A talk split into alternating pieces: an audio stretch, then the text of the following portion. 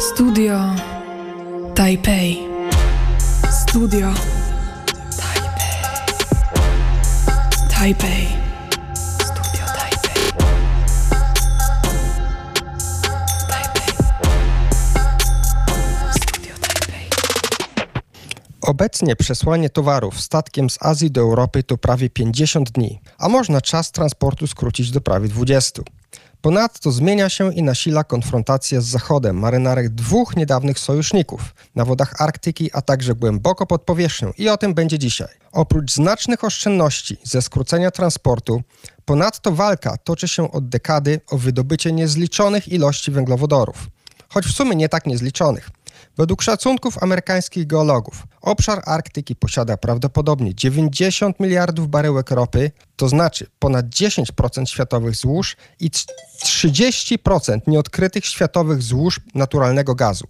Rosyjskie władze są w trakcie jednego z największych projektów w tej branży. W ramach samych przygotowań do jego rozpoczęcia muszą wybudować autostrady, dwa lotniska i 15 miasteczek, a także kilka elektrowni. To wszystko dla koniecznych 400 tysięcy pracowników. Takie przynajmniej plany były zrealizowane, realizowane, zanim Putin wymyślił swój trzydniowy blitzkrieg z sąsiadem. Uprzejmie proponuję, by osoby wrażliwości międzynarodowego eksperta Grety Thunberg nie słuchały dalej. Dlaczego mianowicie takie nakłady? Po pierwsze, o rozmiarze szacowanych zasobów wspomniałem przed chwilą. Dwa, nakłady te to nic w porównaniu ze spodziewanymi zyskami. Zgodnie z planami z 2000, w roku 2025 mają, ma, złoża te mają dostarczyć 25 milionów ton, a w 2030 100 milionów ton ropy.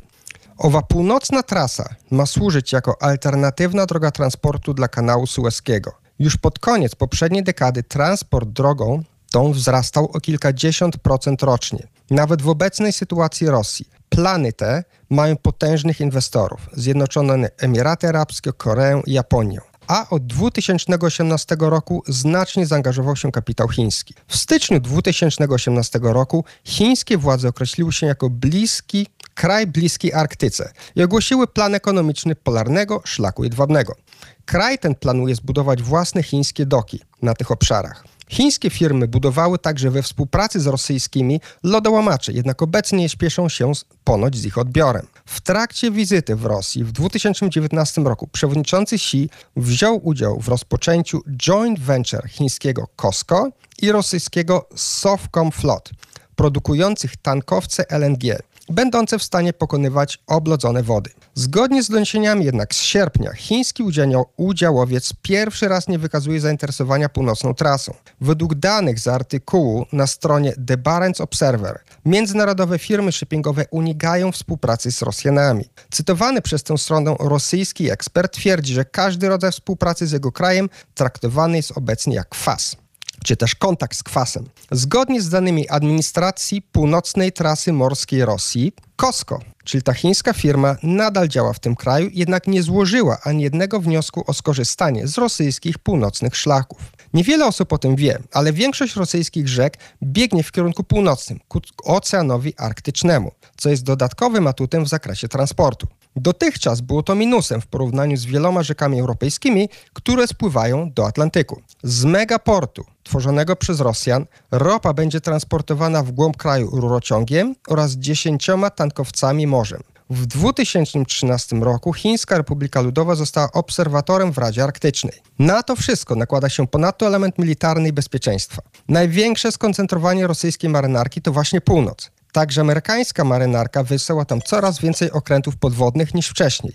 Jest jedynie kwestią czasu, kiedy dołączą do tego jednostki chińskie. Nie tylko skróci to czas dla ich pocisków, to znaczy dystans dla ich pocisków dotarcia do Stanów Zjednoczonych, ale poza rosyjskimi okrętami będzie kolejnym wyzwaniem dla amerykańskiej marynarki. Doprowadzi więc do rozproszenia sił Stanów Zjednoczonych. W tej chwili jednak rosyjskie okręty nadal są bardziej zaawansowane technologicznie, jednak chińskie przewyższają je ilością i szybko doganiają w rozwoju. W obecnej sytuacji siły amerykańskie i natowskie muszą więc nie tylko nadgonić ilościowo, ale i jakościowo, bo wyścig o dominację na powierzchni i pod nią trwa i jedynie przyspiesza. I tak na przykład USA mają obecnie dwa lodołamacze, w tym jeden 40-letni, drugi 22-letni. Trzeci nie działa od 2010 roku. Rosjanie posiadają ich ponad 40 i ponad 10 w budowie.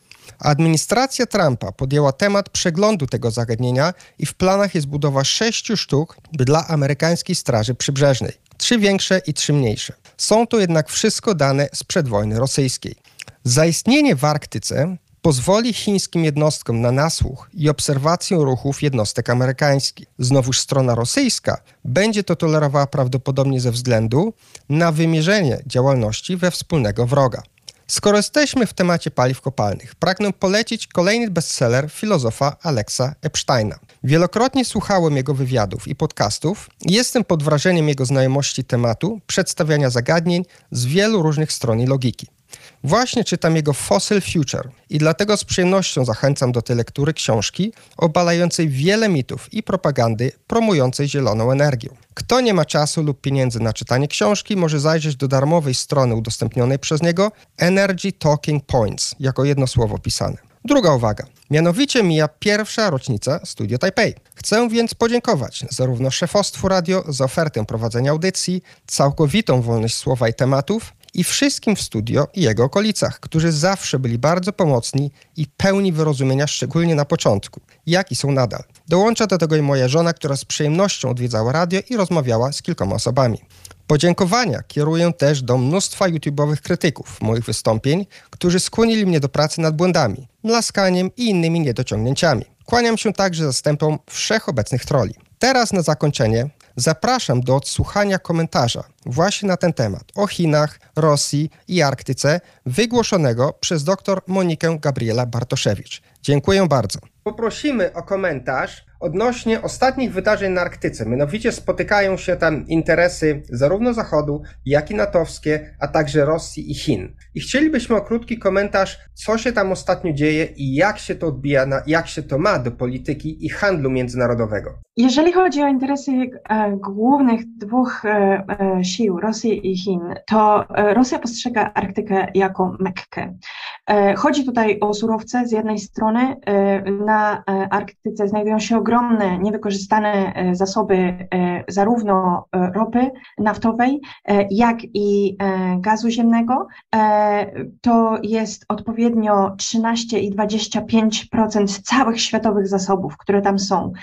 Rosja potrzebuje tej gotówki, którą może spieniężyć na to, żeby kontynuować swoje ekspansje nie tylko na dalekiej północy, ale także w innych obszarach świata. E, I e, to wyraźne strategiczne zainteresowanie e, Rosji tym obszarem widzimy od przynajmniej 2007 roku, ale ono zostało potwierdzone. W, w tym roku została przyjęta nowa doktryna, o której prezydent Putin mówił, że będzie prowadzić do dywersyfikacji, intensyfikacji działań morskich na obszarze Arktyki. I to jest na pewno obszar, który Rosja postrzega jako geostrategiczne wąskie gardło. Zresztą e, widzimy, że intensyfikuje tam swoją obecność militarną. Baza lotnicza na Górsko jest, zajmuje, znajduje się e, zaledwie 260 km od Svalbardu. E, e, ostatnio powstała nowa baza Arctic Trefoil.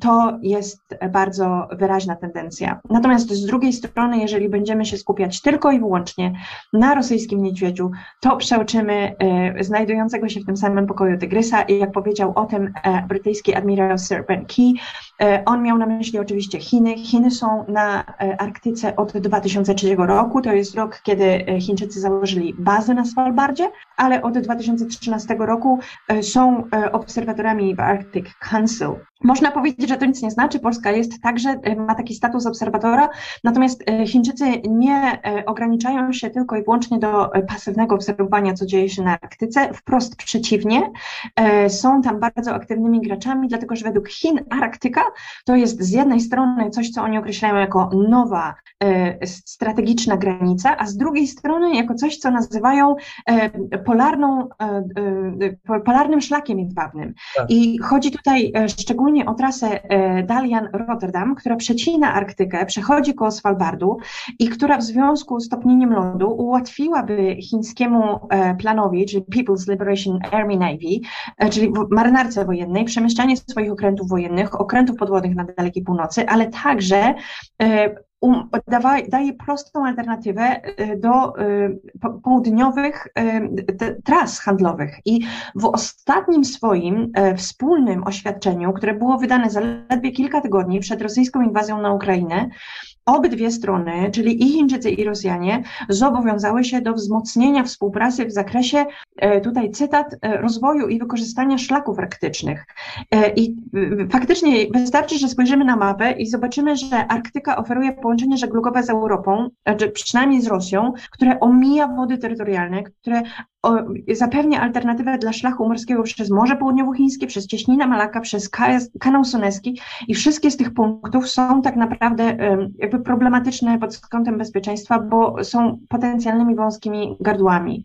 E, natomiast trzeba też pamiętać, że zainteresowanie e, tym partnerstwem rosyjsko-chińskim e, wyprzedza konflikt pomiędzy Moskwą i Zachodem i jest naprawdę oparte o czysto pragmatyczne interesy, zgodnie z którymi obydwa kraje w jakiś sposób z tego korzystają. Chińczycy mają bardzo tanie źródła energii, Rosjanie mają rynki zbytu, które absolutnie absorbują to, czego nie chce teraz kupować Europa. E, należy się spodziewać, że ta współpraca będzie się pogłębiać, ponieważ e, w związku z, ze zmianami e, geopolitycznymi, formowaniem się ponownie dwóch antagonistycznych bloków, tak naprawdę obydwa kraje nie mają innej alternatywy poza swoją, poza, poza kontynuowaniem współpracy. Studio Taipei. Studio Taipei. Taipei.